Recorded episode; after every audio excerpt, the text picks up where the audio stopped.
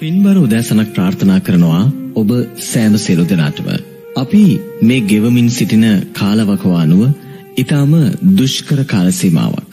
අපි අද ධර්මයාත්‍රා වැඩසටහන ආරම්භ කරන්නට සූදානම් වන්නේ එවැනි කාල සමයක් තුලයි. අවසරයි ස්වාමින් වහන්සේ අද දවසේ ධර්මයාත්‍රා වැඩසටහන ආරම්භ කරමින් ඔබ වහන්සේගෙන් පළමුව විමසන්නට තිබෙන ප්‍රශ්නය මා මෙන්න මේ ආකාරයෙන් ඔබ වහන්සේට පැහැදිලි කරන්නට කැමතියි. මේ ඇති වෙලා තියෙන අර්බුදයත් එක්ක බොහෝ මිනිසුන් තමන් ගැන පමණක් හිතන ආත්මාර්ථකාමී ස්වරූපයකට දැන් පැමිණ තිබෙනවා. ඒ සඳහා වන ඊටාම මෑත උදාහරණය වන්නේ පහුගිය දවසක පෙට්‍රල් ලබා ගැනීම සඳහා ත්‍රිරෝද රථයක පොලිමේ රැඳී සිටි පියෙකු ජීවිතක්ෂයට පත් වෙනවා. හෘදයාබාධකින් තමයි මේ පියා මිය යන්නේ. නමුත් ගැටලුව වන්නේ මේ පියා හෘදයාබාධයක් හැදිලා සිහිසුන් වෙලා ඒ ස්ථානයේ සිටියේදී කිසිම කෙනෙක් ඔහුව රෝහලට ගෙනියන්නට ඉදිරිපත් වන්නේ නැහැ. ඒ පොලිමේම වෙන තැනක හිටපු තමන්ගේ පුතා ඇවිල්ලා රෝහලට ගෙනියනතුරු ඒ ස්ථානයේ හිටපු කිසිම කෙනෙක් මේ සිද්ධිය වීඩියෝ ගත කරනවා මිසක මේ පියාව රෝහලගත කරන්නට උත්සාහ කරන්නේ නැහැ.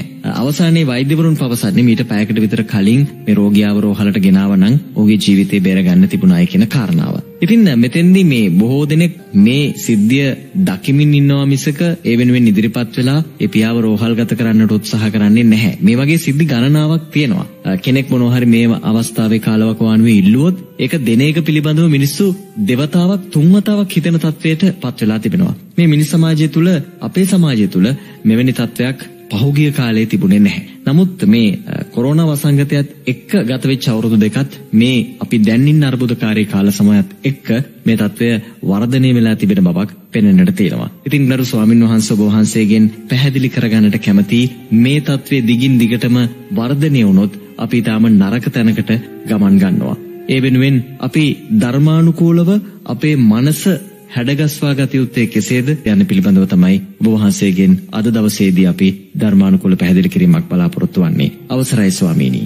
මහත්මයා මගෙන් ප්‍රශ්නයක් යොමු කළේ මහත්තයෝ මේ සමාජය තුළ බොහෝම වේගෙන් ජනතාවගේ සිස්සතන් තුළ මේ ආත්මාර්ථකාමීත්වය තමා ගැන පමණක් සිටින කාරණය බරවත් ආකාරයෙන් ජනතාව තුළ සකස් වෙනවා කියන කාරණය.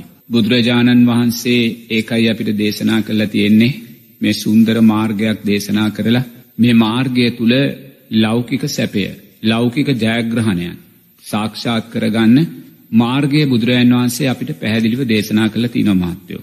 කෙනෙකුට ලෞකික සැපය ඔන්නන්ගේ ලෞකික සැපයත් කෙනෙකුට ලෝකෝත්තර සැපය ඔන්නන්ගේ ලෝකෝත්තර සැපයත් කියන කාරණා දෙකම ඒ දෙයාකාරයම සැපයන් ලබා ගැනීමේ සුන්දර මාර්ගයක් බුදුරජන් වහන්සේ අපිට දේශනා කළ තිනවා.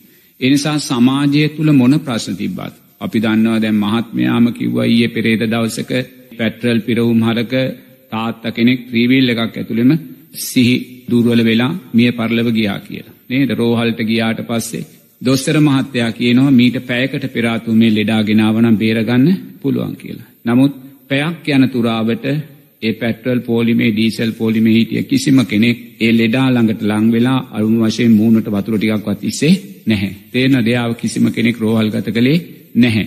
එයාගේම දරුවා එයත් පැට්වල් පෝලිමේ මිඳල පෑකට පස්සේ දුවගෙනවිල තමයි තමන්ගේ තාත්තව රෝහල් ගත කරන්න. තේන්න. ඉති එවැනි තත්ත්වයකදි මහත්තයෝ අපි සමාජය තුළ හැම පැත්තෙම දකින්නේ මනුස්ස පිංවතුන්ලාගේ අපේ පිංවතුල්ලා තුළ බලවත් ආකාරයෙන්. සක්කාය දිට්්‍යයකැන් සක්කාය දිට්්‍යය කැන පංචුපාදානස්කන්දය කෙරේ යුත්තුෂ්නාව.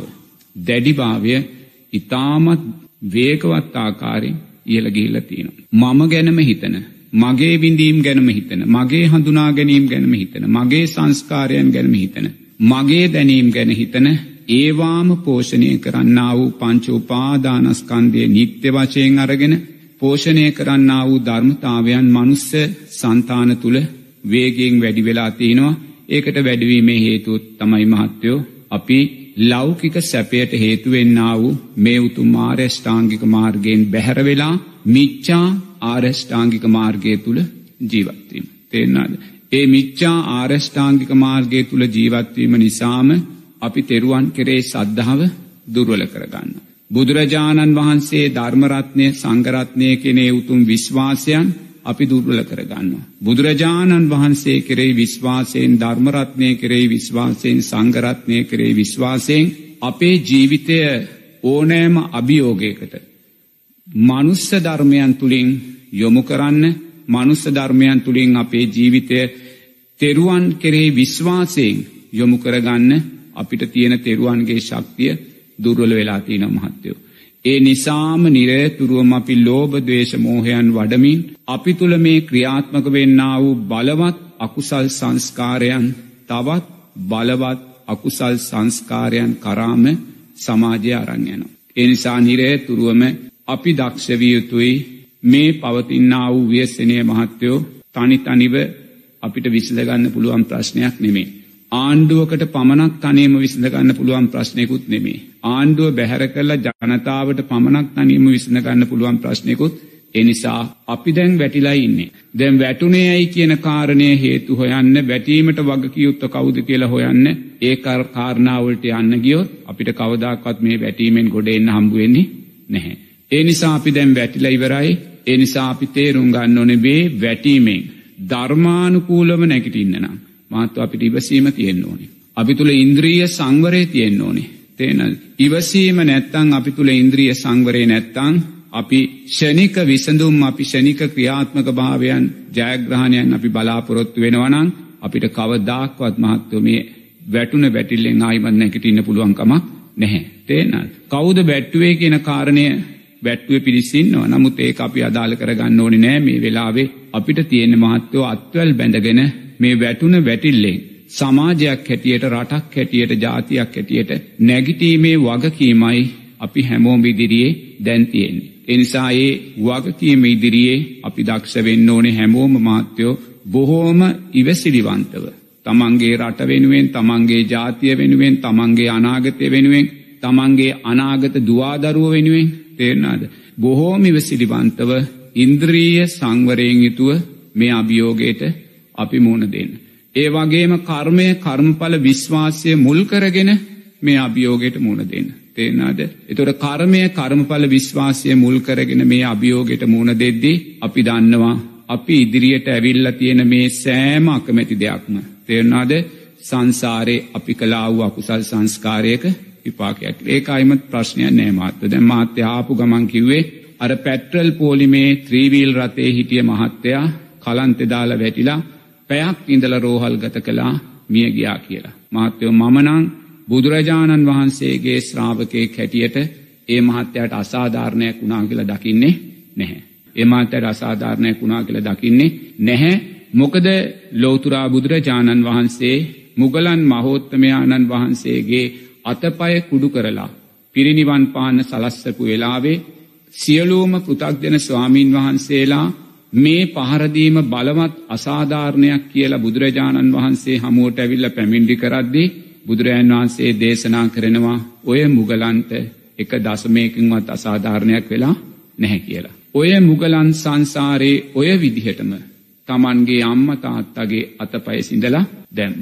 එනම් මුග තමන්ගේ ප්‍රධාන ශ්‍රාවකයාගේ අතපය සොරු විසින් කුඩු කරලා දමත්ති බුදුරජාණන් වහන්සේ ඒ අපරාධය ඒ අකුසල් සංස්කාරය අසාධාරණයක් ඇටියට දැක්කේ එන මහත්තෝ දැම් මෙතනයි කර්මය කර්මඵල විශ්වාසයට අදාළව අපි මේ ප්‍රශ්න විග්‍රහ කරගන්න ඕනි ඒක තේරුම් ගන්න ඕනි. ඒ නිසා කෙනෙක් අපෙන් ප්‍රශ්න කරන්න පුළුවන් පිංවතුනේ අපේ රටේ පාලක පිංවතුල්ලා වැරදි කලා පාලක පින්වතුල්ලයි වැරදි කළේ ඇයි ජනතාව මේ දුක්විදින්න කියන කාරණය අපෙන් ප්‍රශ්න කරන්න පුළුවන්. තේන්න.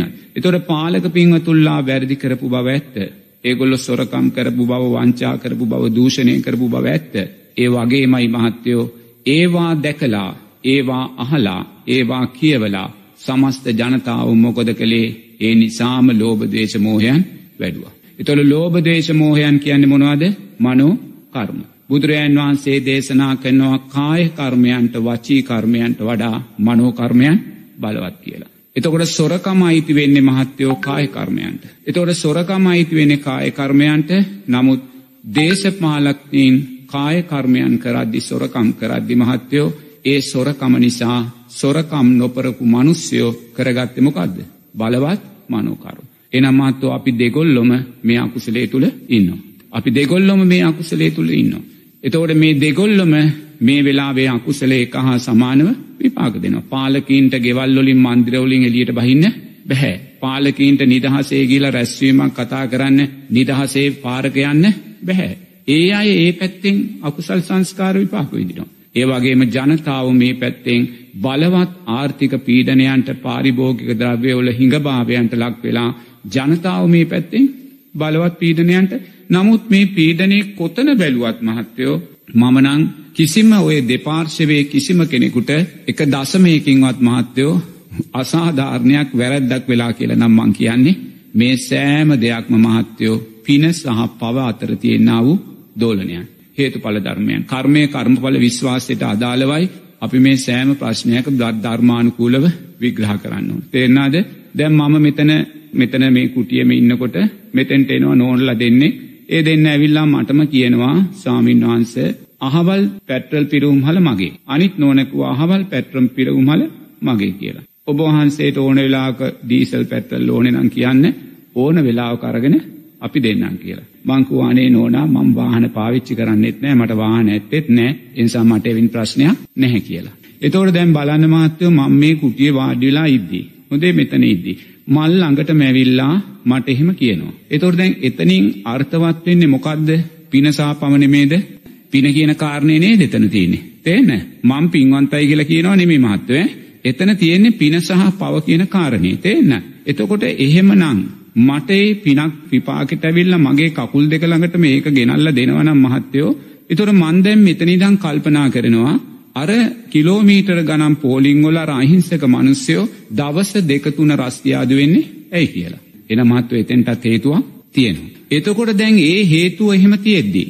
කවුරුන්නෝ තමන්ගේ බලවත්භාවය නිසා නිලවත්භාවය නිසා තෙදවත්භාවය නිසා කවුරුන්නෝ අයුතුආකාරයෙන් අර පෝලිංගොලින් බැහැරව අර තෙල් එහෙම නැත්තන්ගේ පාරිගු බෝගල් බාන්ධ ලබාගන්නවනං මහත්තයෝ මේ අපි එච්චර කලබල වෙන්න ඕනේ නැහැ.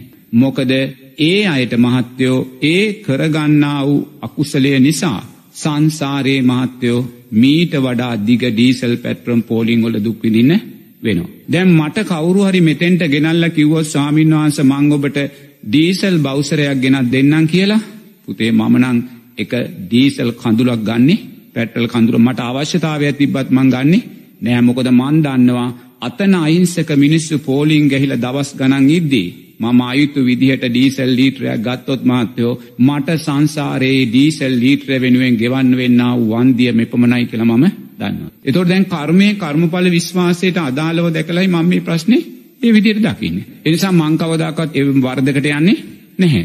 කොයිසා මගේ ළඟට මට අවශ්‍ය දෙයක් කාවත් ඒක මං අසාධාරණාකාරයෙන් සමාජය අනිත්තය නොගන්නාකාරයෙන් මං ගන්න යන්නේ නැහැ මොකද මන්දන්නවා එහෙම ගත්තොත් එහි විපාකයන් වෙනුවෙන් මහත්තයෝ බලවත් සාංසාරික වශයෙන් මට විපාක විඳින්න සිද්ධ වෙනවා කියලා. ඒනම් මහත්තව අපි දකින්න ඕනේ අද දීසල් පෝලිංගොල මම ගිහිල්ල පෑගානක් රස්තියා දුනත් මහත්තයෝ සංසාරයේ අපිම අපිට පුළුවන් වෙලාවේ අපිට හැකි වෙලාවේ අපිට තියෙන වෙලාවේ අපි අනුන්ව පීඩනයට පත් කරලා අපි අනුන්ව තල්ලු කරලා අපි අනුන්ව පෙරලලා අපි මුලට ඇවිල්ලා අපි අනුන්ට නොදී අපි අනුන් දෙත අයිති දේවල් අපි අරගෙන අපි සංසාරය කලා වූ අකුසල් සංස්කාර නිසායි මාත්‍යයෝ පෙනි පෙනි කෙනෙක් වාහනෝල එහා මෙහා යන්න ඩීසල් තියෙන තත්වට පත්වෙලා තවත් අහිංසකයෝ ලක්ෂගානක් පෝලිං වල දුක්වින තත්වට එන මත්තෝ ප්‍රශ්නයක කොනක් අපිළඟ තියෙනවා. වගකීම අපිළඟ තියෙන. එනිසා අපි මෙන්න මේ ධර්මතාවයයි අපි තේරුම් ගන්න ඕන. තේන්නේ මෙන්න මේ ධර්මතාවය තේරුම් අරගෙන අපි නිරේතුරුව දක්ෂ වෙන්න ඕනේ සමාජය තුළ ඒ ජනතාවට අත්‍යවශ්‍ය තෙල්වේවා ගෑස්වේවායේ මොනවන් හෝ පාරිභෝගික බාණ්ඩමාත්‍යයෝ අසාධාරණයකින් තොරව. පන්තිබේදයකින් තොරව. ධනවත් පෝසත් බේදකින් තොරව. ඒ බෙදනදේ විනයානුකූලව නීතියානුකූලව කරලා දෙන්න. එහෙම නැත්තං ඒවා කරන අයටත් සංසාරයේ මීට වඩා බලවත් විපාකයන් සකස් වෙන්න පුළුවන්. ඒ වගේම රටේ පාලක පින්වතුල්ලා දක්ෂවෙන්න ඕනෙ මහත්තයෝ නිරතුරුවම හිතන්න තමන්ට චන්ද දුන්න ජනතාවට. මේ විදිය දිනපතා පැයවිසි හතරෙම බලවත් මානසික කායික පීඩාවන්ට ලක්වෙද්දී. ඒ පාලකින් මහත්තයෝ පැය විසි හතර පුරාවට සිල් පද බිඳ ගනිමිනුයි ඉන්නේ. අපේ රටේ රාජ්‍ය නායකතුමා කියන්න පුළුවන් මම පන්සිල් රකින නායකෙක් කියලා. අපේ රටේ අගමැතිතුමා ඇමතිතුමල්ල කියන්න පුළුවන් මං පන්සිල් රකින නායකෙක් කියලා. නමුත් මං බොහෝම පැහැදිලිව කියනවා අපේ රටේ කිසිම නිලතල දරන බලතල දරන ඔය කිසිම නායකෙක් මාත්‍යයෝ පලවෙනි සිල්පදය අද රකින්නේ නැහැ. මොකද සමස්ත ජනතාවම මහත්තයෝ මානසික හිංසනයට ලක් වෙලයි ජීවත්තෙන්නේ. කායික හිංසනයන්ට ලක් වෙලයි නිදාගන්නනෑ දැම් මට එහුණ ඒ මෙතෙන්ට කවරුවරියාව ත්‍රීවිල්ලේක නෝන්ල දෙන්නේ මන් දොරාරිනකං ඒගොල්ල එලිය කතා කරගරන්න අර ත්‍රීවිල්ල එක නෝනාර මේ මේ ආපු නෝන කෙනෙක් අහනවා ත්‍රීවිල්ල එක රියදුරමාත්‍යගේ ඔය අය සිල්ගන්නගේ නැද්ද කියලා. මොන සිල්ද නෝන මං පැටල් පොලිමේ කිව්වා. තේන තොර බලන්නක මාත්තෝ මොනසා මනුසයාගේ අධ්‍යාත්මික කඩා වැටීමත් ඒ විදිට කඩා වැටෙනවා ඒ පැත්තෙන් ආර්ථිකය කඩා වැටෙනවා මනුසයගේ විවේකය අහිම වෙලා තිනවා මනුසයගේ අධ්‍යාත්මික ශක්තිය අහිම වෙලා තිනවා. ඒ සියල්ල වෙද්දි මහත්තයෝ මේ දැම් මේ පහුගේ පොසොන් දවස බලන්නක. පොසොන් දවස කියන්නේ වෙසක් පුර පසලොස්සක පෝය දවසට පස්සෙ තියෙන ශේෂ්ඨම පොහේ දවස. මිහිදු මහෝත්තමයාණන් වහන්සේ දඹදිවයිඳං. අප වෙනුවෙන් කරුණාවේ. අර දඹදිව මහරජ්ජුරුවන්ගේ පුතා. අප වෙනුවෙන් කරුණාවෙන් මේ උතුම් චතුරාර් සත්‍යය අපිට දෙන්න මෙහෙට වැඩම කරලා අපිට මේ උතුම් ධර්මය දායාද කරපු දවස පොසොන් පුර පසලසක පොයිද. එතකොට රටට මේ වෙලාවේ බලවත් වර්ණය සැපය බලය අවශ්‍ය මොහොතක්. ජනප්‍රිය භාවය අවශ්‍ය මොහොතක්. නොබියව අභියෝගයන්ට මුහුණදීමේ ශක්තිය අවශ්‍ය මෝතා. මේ කාරණා දෙකම අපිට ලබල දෙන්න මහත්තයෝ සීලය සහදානය විසි. නමුත් බලන්න මේ සුන්දර පොසොන් පුරපොසලොස්සක පෝය දවසේ අපේ අහිංසක බෞද්ධ ජනතාවට මහත්තයෝ හවස්වරුවේ ලක්ෂගානක් බෞද්ධ ජනතාවට පන්සල්ට යන්න අවස්ථාව දුන්නේ නැහැ ඇයි එදාටම මහත්‍යවර ක්‍රිකට් මැච්ච එක දාගන්න. ක්‍රිකට් ක්‍රීඩා කරන්න එපා කියල මං කියන්නේ තේන ක්‍රීඩාව අත්‍යවශ්‍යයි ජනතාවගේ කායික මානසික සුවය උදෙසා. නමුත් මාත්‍යය බලන්න අර සුන්දර මේ පොසන් පුරපසලොස්සක පෝය දවසේ. කී දාහක් මේ පාර හවස පන්සල්ට යනය පන්සල්ට නොගියද කියල බලන්න. පන්සිල් සමාදන් වෙන්න තිබ්බයි පන්සිල් සමාදන් ඕනද කියල බලන්න. රටට වර්ණය සැපේ බලය අවශ්‍ය වෙලාවේ. රටට සීලේ ශක්තිය අවශ්‍ය වෙලාවේ. අපි ඒ පැය අටේම වැඩුව මහත්තයෝ ඒ සුන්දර පොසොන් පුරපසලොස්සක පෝය දවසෙත් වැඩුවේ කාමත් චන්දය. දවේශ භාවනාව වෛරභාවනාව ව්‍යාපාද භාවනාව තරගේකද ඕවනි වඩන්නේ මහත්තයෝ. දැම්ම දැවී යන්න මේ බෝලෙට දැවී යන්න දැංගහන්න ඕ තියට තනිකර කාමච්චන්ද භාවනාමයි එතර බලන්න මේසා සුන්දර පිනක් අවශ්‍ය මොහොතක සමාජයට ජනතාවට මෙච්චර සීලේ ශක්තිය අවශ්‍ය මොහොතක මාත්‍යයෝ අපේ නායකින්ට අපේ පාලකින්ට ඒ බලධාරීන්ට මාත්‍යයෝ මෙවැනි දැක්මක්වත් නෑ මේ තියෙන්න්නා වූ ප්‍රශ්නයෙන් ධර්මානුකූලුව ජනතාව අවධි කරලා ගන්න. අවසාන මැච්චකත් පරාද වෙනවා රටට අර සුන්දර පොසුන් දවසේ ගන්න තිබ ශක්තියක් අයිමි වෙලා යනු. එතොත් බලන් දැ මේ සියල්ලම සිද්ධ වෙන්න මහත්තයෝ මනුස්සයා වැටුනාට පස්සේ තේන්න දැන් අපි වැටිල ඉවරයි.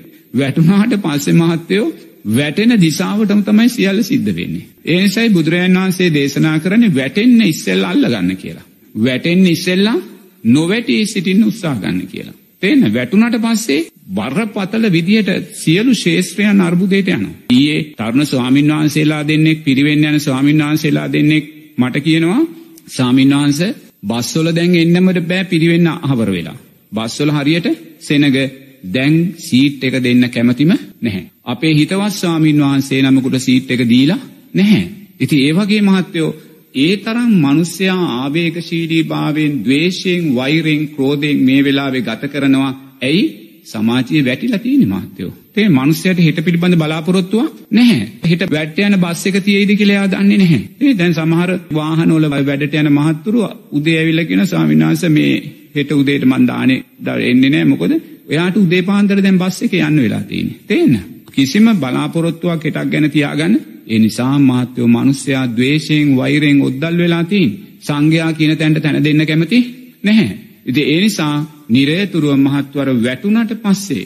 වැටෙන දිසාවටමයි සියල්ල සිද්ධ වෙලා එනිසා අපිට ඉතාමත් ශක්තිමත් ඉවසීමක් තියෙන් ඕනේ මහත්තයෝ ඉන්ද්‍රීය සංවරයක් තියෙන් ඕනේ නිරේතුරුවම සම්මා සංකප්පයන් ජීවිතයට එකතු කරගෙන මේ ප්‍රශ්නය නැගී හිටින්.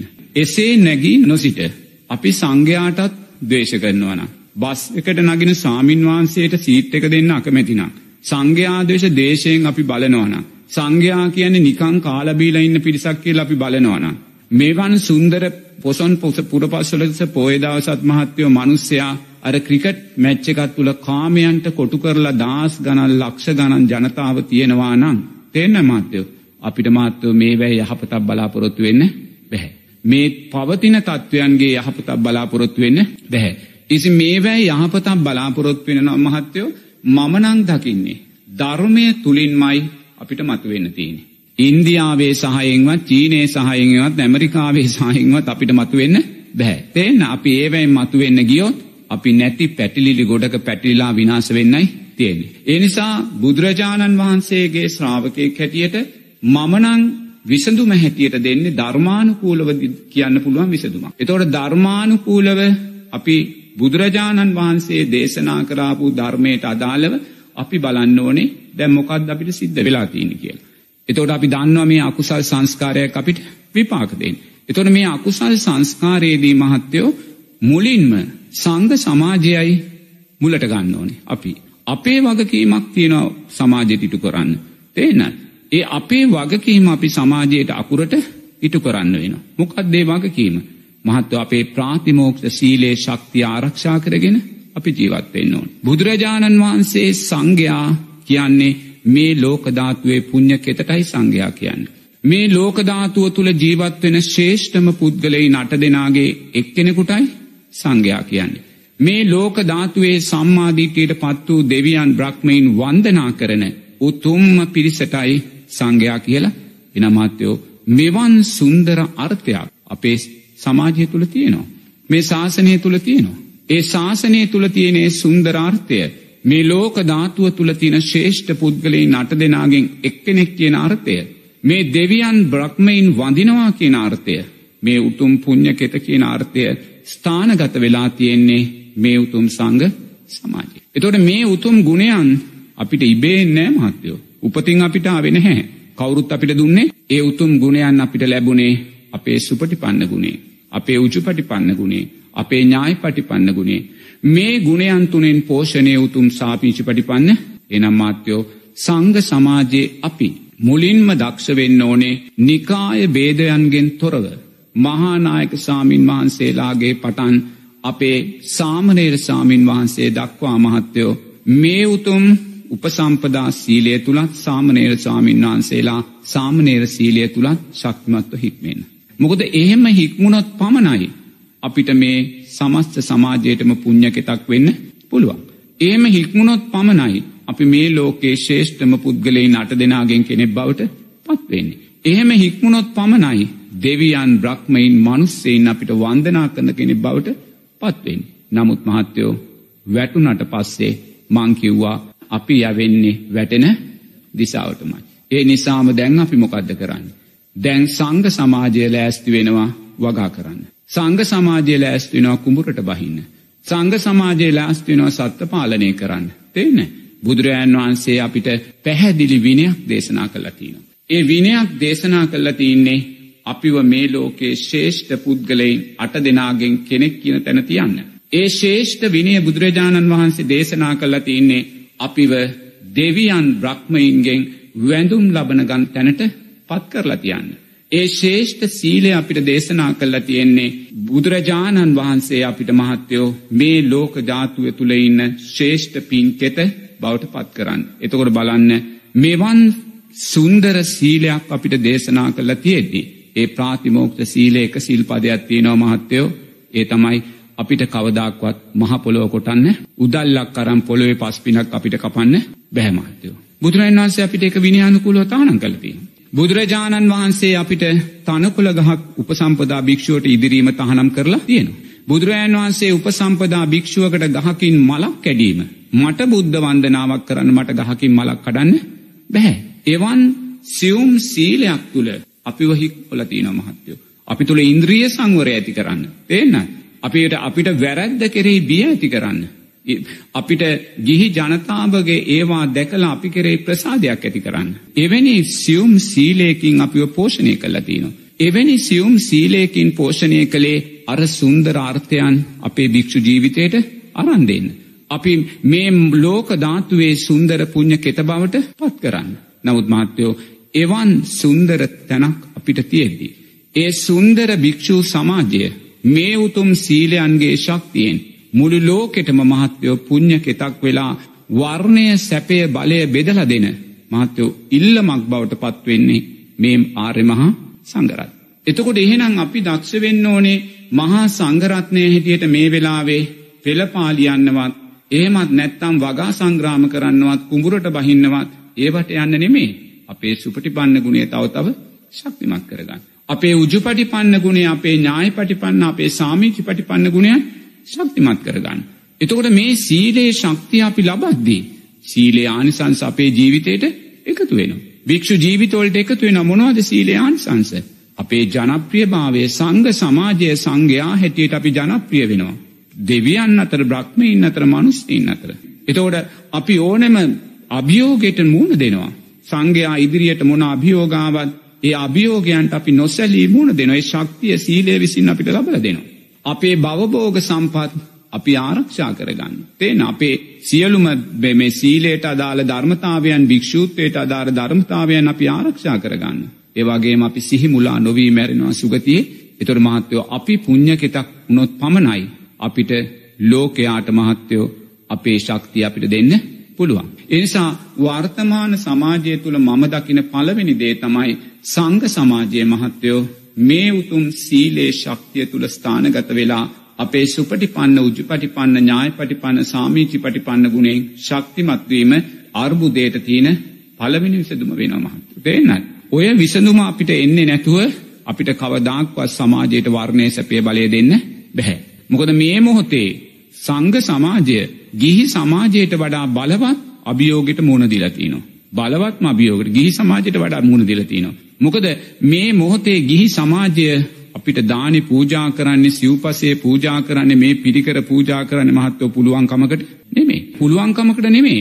අද සාමාන්‍යයෙන් ස්වාමීන් වහන්සේලා පස්නමක් ඉන්න පන්සලකට දානයක් උදේට දෙන්න ගියොත් දවල්ට දානයක් දෙන්න ගියොත් යන වියදම පිංහ තුල්ලා දන්නවා. අට පිරිකරක් කියද කියන කාරණය ඔබල දන්නවා. මේ පුංචි පිරිකර පාසලයක් කරංආවත් සමහරුට ඒක වටිනාකම රුපියල් දා තිෙන්න. එනි සමාත්‍යයෝ මේ වෙලාවේ ගිහි පින්වතුල්ලා තමන් ආර්ථික ප්‍රශ්න හමුවේ එවැනි බරපතල කැපවීමක් සංඝ සමාජය වෙනුවෙන් කරද්දී. සංඝ සමාජය සීලේ දුර්වල භාවයන් තුළ ජීවත් වනොත්.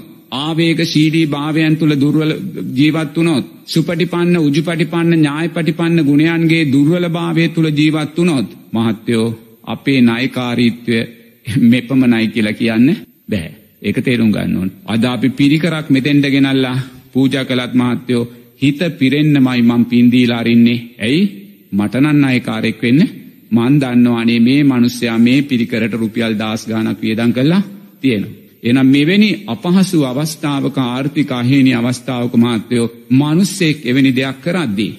අපි පෙරලා අපේ ගුණයන් ශක්තිමත් නොකරගත්තොත් මහත්තයෝ මීටත් වඩා අපි ලෝකයාට සමාජයට නායකාරයෝ බවට පත්වෙනවා විතරක් නෙමේ අකුසල් මීට වඩා සමාජය දුර්වල කරලදාන්න පුළුවන්. එනිසා සංග සමාජය නිරේතුරුවම මහත්තයෝ තමන්ගේ සුපටි පන්න උජු පටි පන්න ඥාය පටි පන්න සාමීචි පටි පන්න ගුණයෙන් ශක්තිමත් ඔන්න ඕනේ අපි විනය දුර්වල කරගෙන.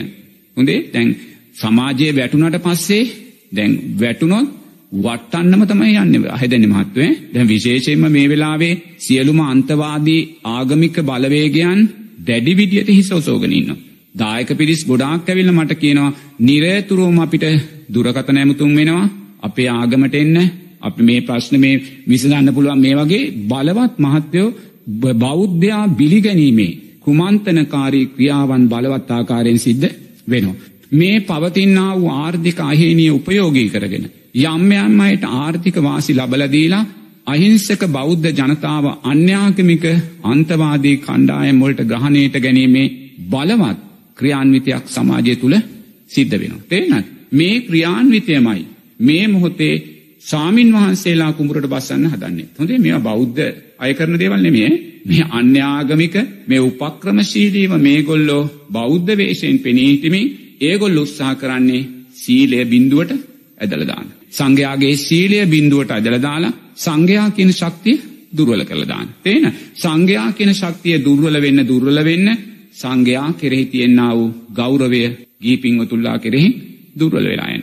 ඒ දුර්වල වෙන ගෞරව උපයෝගී කරගෙන අන්‍ය ආගමිකවලට බිලිබා ගැනීමේ බලවත් ක්‍රියාන්විතයක් සමාජය තුළ ක්‍රියාත්මක වෙනවා. මම මීට මාස කීපයකට වගේ ඉදිරියේදී කිව්වා බලවත් ආගමික ගැටලුවක් පවා අනාගතයේදී ඇති වෙන්න පුළුවන්. මොකද අන්තවාදී ආගමික සංවිධාන මේ පවතින තත්ත්වය තුළ බලවත් ආකාරයෙන් ක්‍රියාත්මක වෙමින් දැඩි විදිහට සිංහල බෞද්ධ ජනතාව බිලිබා ගැනීමේ නොමග යැවීමේ බලවත් ව්‍යාපාරයන් මේක යටින් ක්‍රියාත්මක වෙනවා. තේරෙනවද ඒ නිසා අපි දක්ෂ වෙන්න ඕනේ මේ මොහොතේ අපේ බඩගින්න ගැන හිතලා රටේ පවතින ආර්ථික ප්‍රශ්න ගැන හිතලා අපි මේ සම්මා සම්බුද්ධ ශාසනයේ අර්ථය මේ උතුම් සංඝ සමාජයේ උතුම් ගුණයන් ඒ අර්ථයන් මේ ශාසන අර්ථයන් එක දශමකින්වත් දුර්වල වෙන දිසාවකට යන්න නොදී මේවා ආරක්ෂා කරගන්න. ඒ නිසා එහි මුල් වගකීම තියෙන්නේ ගෞරවනීය ස්වාමින් වහන්සේලාට. ඔබ වහන්සේලා දිවිහිමියෙන් සූදානම් නම් ඔබලාගේ ප්‍රාතිමෝක්ෂ සීලය ආරක්ෂා කරන්න. ඔබලා සාමනේල ස්වාමීන් වහන්සේලා දිවිහිමියෙන් සූදානන්නම් ඔබේ දසසීලය ආරක්ෂා කරන්න. මාත්‍යයෝ අපිට අභියෝග කරන්න පුළුවන් කෙනෙ නැහැ. ඒ විශ්වාසය අපිට තියෙන්න ඕනි. ඔබ සීලේ ශක්තිමත් නම් ඔබ බස් එකේ සීට් එක ළඟ ගිහිල්ලා හිටගත්තත් ඉඳගත්ත කෙනා සීට් එක දුන්නේ නැත්නම් කොන්දොස්තර මාත් ඇවිල්ලා අර මනුස්සව ඇදලා දාලා හරි ඔබ වාඩි කරයි. තේන්න? ඒ සීලේ ශක්තිය. ඔබ රණ්ඩු වෙන්න යන්න ඕනේ නැහැ. නමුත් ඔබේ සීලේ ශක්තිය ඔබට දුර්වල නම් අනාගතයේදී මහත්යෝ බස් එකේ සීට් එක නොදෙන්නේ ඉඩ තියෙනවා. ඒතකොට වරද්ද තියෙන්නේ අපි තුල. ඒ නිසා අපි වැටෙන්න නරකයි. තේන්නද? වැටෙන දිශාවට අපි යනවා. නමුත් අපි බිඳුවට වැටෙන්න නරකයි වැටුනොත් අපිටත් ආයිමත් ගොඩ එන්න හම්බ වෙන්නේ නැහැ. ඒ නිසා නිරතුරුවම සංඝ සමාජයේ ඉදිරියේ තියෙන මේ අභියෝගයේ තේරුම් අරගෙන අපි සංඝයා අපේ වර්ණය සැපය බලය වන අපේ සීලය අපේ මෛත්‍රිය අපේ සමාධිය අපේ ප්‍රඥාව තුළින් අපි නැගී හිටින්න ඕනේ අපේ සුපටිපන්න උජි පටිපන්න ඥායි පටිපන්න සාමීජි පටිපන්න ගුණයන් පෝෂණය කරමි. තේන්න. එතුට අපේ ගුණයන් පෝෂණය වෙද්දී. අපිට දන් පූජා කරන. අපිට සිව් පසේ පූජා කරන. පින්වත් ජනතාවට මොකද වෙන්නේ. අපේ ගුණයන් පෝෂණය වෙන්න පෝෂණය වෙන්න මහත්තයෝ ඒ අයගේ තියෙන්ද. පිනේ ශක්තිය පෝෂණය වෙනවා. එතකොට සමාජය ගොඩනැගෙන්නේ මෙහිමයි. මේ අපි සංඝ සමාජයේ පෝෂණය වෙන්න පෝෂණය වෙන්න නිරතුරුවම ගිහි සමාජයේ වර්ණයේ සැපය බලය පෝෂණය වෙනවා. එතකොට රටේ රාජ්‍යනායකයෝ රටේ ඇමතිවරු රටේ මන්ත්‍රීවරු මේ නිලතල දරණය මේ අය දන් පූජා කරද්දි සංඝයාට උපස්ථානය කරද්දි මේ අයගේ ශක්තිය පෝෂණය වෙනවා. තේන්න. මේ අයගේ ශක්තියක් පෝෂණය වෙන. ජනතාවගේ වර්ණය සැපය බලි පෝෂණය වෙන. එතකොට මහා සංගරත්නය ජනතාවට සීලයෙන් පූර්වාදර්ශයන් දෙද්දී. ඒ ජනතාව සීලේ තුළ ශක්තිමත් වෙද්දී. සීලේ ආනිසංස ජනතාවට ලැබෙනවා. මොනවාදානිසංස ජනප්‍රිය භාවය ඇති වෙනවා. අපි තුට්ටු දෙකට වැටෙන්නේ අද අපි තුට්ටු දෙකට වැටිලා තියෙන්නේ. සමාජයක් තුට්ටු දෙකට වැටිලා නායකයෝ තුට්ටු දෙකට වැටිලා සංඝයා තුට්ටු දෙකට වැටිලා ජනතාවත් තුට්ටු දෙකට වැටිලා අපි සියල්ලම වැටිලා තියෙන්නේ. එහෙනම් අපිට අඩු එක දෙයයි. මොකද්ද සීලේ ශක්තිය. නමුත් ඕන කෙනෙක් ඇහුවොත් කියයි නෑ මම පංච සීලය තුලයි ඉන්නේ කියලා. නමුත් මං බොහොම පැහැදිලිව කියනවා ඔබ පංච සීලය තුල නෑ කියලා. රටේ රාජ්‍ය නායකයාගේ පටන් භූමි තෙල් පෝලිමේ පෙට්‍රල් පෝලිමේ ඩීසල් පෝලිමේ දුක් විඳින ඒ අහිංසක ජනතාවත් මේවා දැකලා වාහනවල එහා මෙහා ලෝභ දේශ මොහයන් වඩාගෙන යන අයත් හැම කෙනෙක්ම ජීවත් වෙන්නේ එක්ක තමා තමාව හිංසනයට ලක් කරමින් එක්ක අනුන්ව හිංසනයට පළවෙනි සිල්පදේ දුර්වලයි. තේන්න. පළවෙනි සිල්පදේ දුර්වල නමුත් අපිට ඒක තේරුම් ගන්න බැහැ. තේන්න. ඒ නිසා නිරතුරුවම මහත්තයෝ අපි දක්ෂ වුණොත් සංඝ සමාජය තමන්ගේ සුපටිපන්න උජුපටිපන්න ඥායපටිපන්න ගුණයන් තුළින් තමන්ගේ වර්ණය සැපය බලය ආයුෂය වැඩි කරගෙන ඒ ශක්තිය ගිහි සමාජයට සිව්පසේ පූජා කරන සමාජයට අපි ලබල දුන්නොත් මහත්තයෝ ඒ අයගේ ශක්තියත් වැඩි වෙන. ඒ අය සීලය තුළ පූර්වාදර්ශයන් දෙද්දී අනුන්ට හිංසා කරන්න එපා අනුන්න හිංසනයට ලක් කරන්න එපා ඔබ ලෝබදේශ මෝ හැති කරගෙන ඔබ හිංසනයට පත්වෙන්නත් එපා අද ඇත්තටම ආවේක සීලී ජනතාව දන්නේ නෑ මහත්තව තමන් සීලේ දුර්වල කරගන්න කියලා. තේන ඒගොල දන්නේ නෑ. ඉතුර ඒවනිසා මොනසා කායික පීඩාවෙනවත්. දැන් ඔය ඩීසල් පෝලිම පැය ගණන් දවස් ගණන් ඉන්න දස් ගානක් ඉන්නවනේ. දොස්තර මහත්තෙක් රුධිර පීඩනය පරීක්ෂා කරන මැෂි මරන් ගිහිල්ලා දහකගෙම රුධිර පීඩනය බලන්න. මත් ඔක්කොගම රුද්‍ර පීඩනය වැඩි. ඔක්කොමකම වැඩි. අද රටේ ඉන්න ජනතාවගෙන් 190කම රුද්‍ර පීඩනය වැඩි. එතකොට මොකද්ද වෙන්නේ? ලේ ගමනේ වේගවත් වෙනවා. ඈ හෘදබාධ හැදෙනවා. ඒවා අනාගතයේ මහත්වෝ මුළු සමාජෙම බලවත් රෝගීභාවයන්ට අරගෙන ඇයි අකුසලයක් විපාක දෙන්නේ තව අකුසල් කරගන්න කියලා අපි හිතන්නේ නැහැ. එනිසා අපි හිතන්න ඕනේ අකුසලයක් විපාක දෙන්නේ තව අකුසල් සිද්ධ කරගන්න. මේක හිතන්න ඕනේ වැඩිම රටේ රාජ්‍යනායකයෝ අර අදම්මික සූත්‍රයේදි රාජ්‍යනායකයන් මුලින් තියන්නේ තේන්න. ඊට පස්සේ ඇමති මණ්ඩලය මන්ත්‍රී මණ්ඩලය නමුත් අපිට පේනවා තාමත් ඒ අය හිතන්නේ නැහැ. ඒ අයි හිතන්නෙත් නෙත් ජනතාවගේ අකුසලේ නිසා. එනිසා මේ මොහොතේ ඒ අය හිතන්නේ නැත්තං. අපි දක්ෂ වෙන්න ඕනේ අපි හිතන්න. කෝමද අපි හිතන්නේ බුදුරජන් වහන්සේ කියන අදම්මික සූත්‍රයේදී එක රාජ්‍යනායකයා නිවැරදි වෙන්න ඕනේ දෙක ඇමති මණ්ඩලේ නිවැරදි වෙන්න ඕනේ තුන මන්ත්‍රී මණ්ඩලේ නිවැරදි වෙන්න ඕනේ හතර මහා සංගරත්නය පූර්වාදර්ශී එනමාත්ව මේ ඉහල තුනම තාම පූර්වාදර්ශී වෙන්න ඇත්තං. මේගොලො තාමත් හදන්නේ බලය උදෙසා එනකොටා ගන්න නම් මාත්‍යයෝ සංඝ සමාජයටයි පූර්වාදර්ශී වෙන්න තියෙන. සංඝ සමාජයේ පූර්වාදර්ශී වුණ තැන ඊළඟට පූර්වාදර්ශී වෙන්නේ කවුද? ජනතාව. ඒ නිසා මාත්‍යෝ මේ වෙලාවේ බුදුරජාණන් වහන්සේ කියනවා වහින වෙලාවක කුඩයක් ඔසවගෙන යන කෙනා ඒ කුඩය විසින් අපිව වැස්සෙන් ආරක්ෂා කරනවා වගේ මහත්තයෝ ධර්මයේ සරණ ජීවිතයට ගත්ත කෙනා ධර්මය විසින් ආරක්ෂා ඒ විශ්වාසය අපිට තියෙන්න ඕනි මහත්තයෝ. එනිසා මගේ භික්ෂූ ජීවිතේ මට එකම එක විශ්වාසයයි තියනේ ධර්මය විශ්වාසය පමණයි. ධර්මය තුළින් මා රැස්කර ගත්තා වූසා ගන්නා වූ සංස්කාරයන්ගේ විශ්වාසය පමණයි. මං වෙන කිසිම කෙනෙක් විශ්වාස කරන්නේ නැහැ. මම විශ්වාස කරන්නේ මගේ සංස්කාරයන්. ඒ නිසා අපි තුල විශ්වාසයක් තියෙන්න ඕනේ. නායකයෝ නිවැරදි වෙන්නේ නැත්නම් තාමත් ඒගොල්ලන්ගේ අදහස කුලල්කා ගැනීම නම් බලලෝබයෙන් කටයුතු කිරීම නම් අපි දක්ෂ වෙන්න ඕනේ නායකයා ඇමති මණ්ඩලය මන්ත්‍රී මණ්ඩලය කියන තුනම අතහැරලා සංඝ සමාජයත් මේ රටේ ජනතාවත් මහත්තයෝ එක පෙළට සීලේ ශක්තිය මෛත්‍රී ශක්තිය දානයේ ශක්තිය තුළට එන්න. තේරෙනවද? ඒ එද්දි මහත්තයෝ මේ පැත්තේ බලය ශක්තිමත් වෙද්දී උඩ ඉන්න අයට මහත්වය මොනවා වේද කියන අපි දන්නේ නැහැ. ඒ විශ්වාසය අපිට තියෙන්න ඕනේ. ඒ විශ්වාසය අපිට තියෙන්න ඕනේ. ඉතින් ඒ විශ්වාසය තුල ඉඳලා මහත්වෝ නිරේතුරුවම අපි මේ පොහොතේ මේ විපාක දෙන්නේ අකුසලයක් කියන කාරණේ නම් තේරුම් ගන්න මේක තේරුම් නොගෙන ආවේගශීලී භාවය තුල කටයුතු කළොත් ආයිමත් මේ රටේ 71ක් 89ක් කියන යුගයන් උදා වෙන්න පුළුවන්. එවැනි යුගයන් ඇමරිකාව වගේ ඉන්දියාව වගේ රටවල් බලාපොරොත්තුවෙන් ඉන්න පුළුවන්. එනිසා තවත් බලවත් තරුණ විනාශයකට රට අරගෙන යන්නේ නැතුව බොහොම ඉවසිලිවන්තව බොහොම සිහිනුවණින් කටයුතු කිරීමේ අවස්ථාව අපිට උදා වෙලා තියෙනවා. මොකද සියලුම අන්තවාදී කොටස් විශේෂයෙන්ම ආගමික අන්තවාදයන් බලවත් ආකාරයෙන් හිස ඔසවලා ඉන්නේ මාත්‍යෝ. තේන?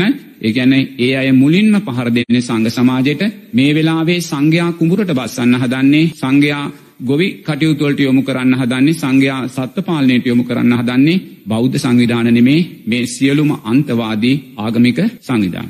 ඒ නිසා සංඝ සමාජය මේවට කොටු වෙන්න එපා. සංඝ සමාජය තේරුම් ගන්න ඕනේ උපසම්පදා භික්ෂුවක් කියන්නේ උතුම් ප්‍රාතිමෝක්ෂ සීලය සාමනීර භික්ෂුවක් කියන්නේ උතුම් සාමනීර දස සීලයක් සේකයා 75. ඒ නිසා සාමනීර ස්වාමීන් වහන්සේකට පුළුවන් මලක් කඩන්න පොළොව හාරන්න ඒක සාමනීර පුලන්ට ඒක කැපයි ඈ. නමුත් උපසම්පදා භික්ෂූන්ට ඒව කරන්න අයිතියක් නැහැ. ඒ නිසා උපසම්පදා භික්ෂුවට බුදුරජාණන් වහන්සේ දීපු වගා සංග්‍රාමයක් තියෙනවා.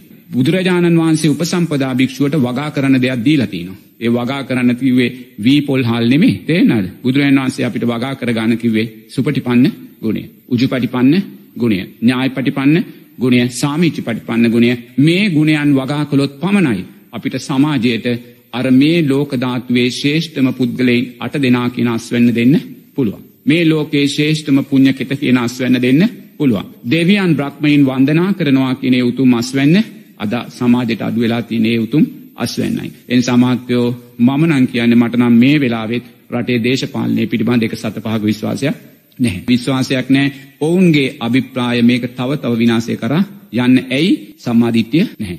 අත්වැල් අල්ලගෙන නිහතමානීව වැරදි පිළි අරගෙන සමාජයත් එක්ක කතිකා කරගෙන සමගියෙන් රැස් වෙලා සමගියෙන් සාකච්ඡා කළා සමගියෙන් විසිර ගිහිල්ලා ඒ කිසිම ධර්මතාවයක් අපේ දේශපාලනයේ අදවත් ජීවිතවලට එකතු කරගන්නේ නැහැ. ඒ නිසා මහත්වෝ සංඝ සමාජය තුල විශාල වගකීමක් දැන් පැවරලා තිනවා මේ මොහොතේ. නමුත් ඒ වගකීම සංඝ සමාජයේ දේශපාලනයට යාම නෙමේ, පෙළපාලියාම නෙමේ, සංඝ සමාජයේ වගකීම කියන්නේ තමන්ගේ සුපටිපන්න ගුණයෙන්, උජුපටිපන්න ගුණයෙන්, ඥායපටිපන්න ගුණයෙන්, තමන්ගේ සීලේ ශක්තියෙන් නැගී හිටලා ඒ සීලේ ශක්තිය තුළින් සමස්ත බෞද්ධ ජනතාවගේම වර්ණය සැපය බලය ශක්තිමත් කරලා සමාජය නැවත බලගැන්වීමේ මාර්ගය තමයි මමනන් දකින්න මේ වෙලාව අපි කළ යුත්ත කියලා. අවසරයි ස්වාමින් වහන්ස. අද වැඩසටහන අවසන් වනට මත්තෙන් බොහෝ පීඩාවන් මැද දිවිගෙවන සියලු දෙනා වෙනුවෙන් ආශිර්වාද කරන ලෙස ඔබ වහන්සේට নমස්කාර පූර්වකව මේ මොහොතේදී මා ආරාධනා කර සිටිනවා. අවසරයි ස්වාමින් වහන්සේ. මෙහෙමයි මාත්‍යෝ ආශිර්වාද කරනවා කියන කාරණයේදී මම අභිවාදන සීලිස්ස නිච්ඡං වෙච්චා පචායිනෝ කිව්වා කියන කාරණෙන් මේ මේ වෙලාවේ අර්ථයක් වෙන්නේ නැහැ. ඒක ආශිර්වාදයක්. නමුත් ඊට වඩා මේ හදවතින්ම තේරෙනවද? ඔබ විසින් ඔබට කරගත යුතු ආශිර්වාදයක් තියෙනවා. ඔබ විසින් ඔබට ආශිර්වාදය ඔබ කරගත්තොත් පමණයි මම ඔබට අභිවාදන සීලිස්ස කියන වූ ආශිර්වාදය ඔබට අර්ථවත් වෙන්නේ. තේරෙනවද? නිසා ඔබ විසින් ඔබට කළ යුතු ආශිර්වාදය තමයි කරුණා කරලා හිතන්න මේ විපාක දෙන්නේ අකුසලයක්. තේරෙනවද?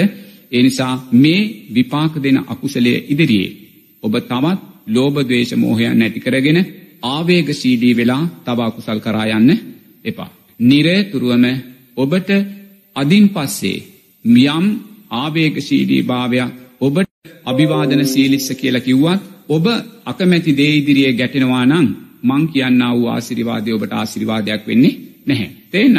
එනිසා මං ආශිර්වාද නොකළත් ඔබට පුළුවන් ඔබට ඔබ ආශිර්වාද කරගන්න මොකද මේ අකුසලයේ විපාක දෙන්නේ සමහර විට ඔබව මුර්ග සංඥාවට කොටු කරන්නම වෙන්න පුළුවන්. අනාගතයේ ඇතිවෙන මුර්ග සංඥාවට කොටු කිරීමේම බලවත් අකුසලයක් තමයි ලෝකෙටම මේ මොහොතේ විපාක දෙන්නේ. ඒ නිසා ඔබ දක්ෂ වෙන්න ඕනේ නිරතුරුව මේ අකුසලයේ විපාකට එන වෙලාවේ අනිවාර්යෙන්ම ඔබ අකමැති කිනම් දේ දැක්කත් ඔබ කැමති කිනම් දේ දැක්කත් ප්‍රශ්නයක් නැහැ සුවපත් වේවා කියලා හිතලා ඒ ආනිසංස 11 ජීවිතයට එකතු කරගන්න හෙට දවසේ ඔබේ ජයග්‍රහණය ඔබට ලබලා දෙන්නේ ඒ ආනිසංස 11 විසින්.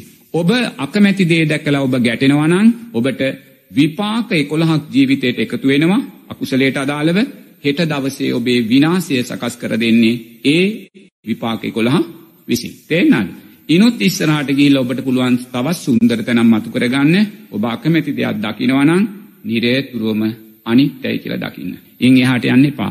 ඇහෙන් යමක් අකමැති දැක්කනම් කනෙන් යමක් අකමැති ඇහුවනම් මනසින් යමක් අකමැති සිතුනනම් අනිත්‍යයි කියලා දකින්න බුදුරජාණන් වහන්සේ දේශනා කරනවා ඔබ මේ ආවා වූ දීර්ඝ පටිච්ච සමුප්පන්න බව ගමනේදී ඔබ අකමැති දේවල් දැකලා අහලා හිතලා ගැටිලා ඔබ හෙළූ කඳුළු ඔබ හෙළූ රුධිරය රණ්ඩු කරලා සටන් කරලා අරගල කරලා යුද්ධ කරලා ඔබ අකමැති දේ උදෙසා යුද්ධ කරලා ඔබ හෙළූ කඳුළු ඔබ හෙළූ රුධිරය මහසාගරයේ ජලයට ඒසා කඳුළු සාගරයක් ඒසා රුධිරය සාගරයක් සංසාරය අපි හෙළලා අපි දැක්ක 89 අපි දැක්ක 71 අපි දැක්ක අවුරුදු 30ක මහා කොටි බීසන යුද්ධ කාලේ කොයිසා රුධිරයක් කොයිසා කඳුළු සාගරයක් හැලුණාද කියලා. ඒසා සාරා සංක කල්ප ලක්ෂ ගානක් ආපු දීර්ඝ බව ගමනේදී අපි අකමැති දේවල් නිසා අපි යුද්ධ කරලා අරගල කරලා හෙළූ කඳුළු සාගරය මහා සාගරයේ ජලයට වැඩි රුධිර සාගරය මහා සාගරයේ ජලයට ඒ නිසා බුදුරජාන් වහන්සේ කියනවා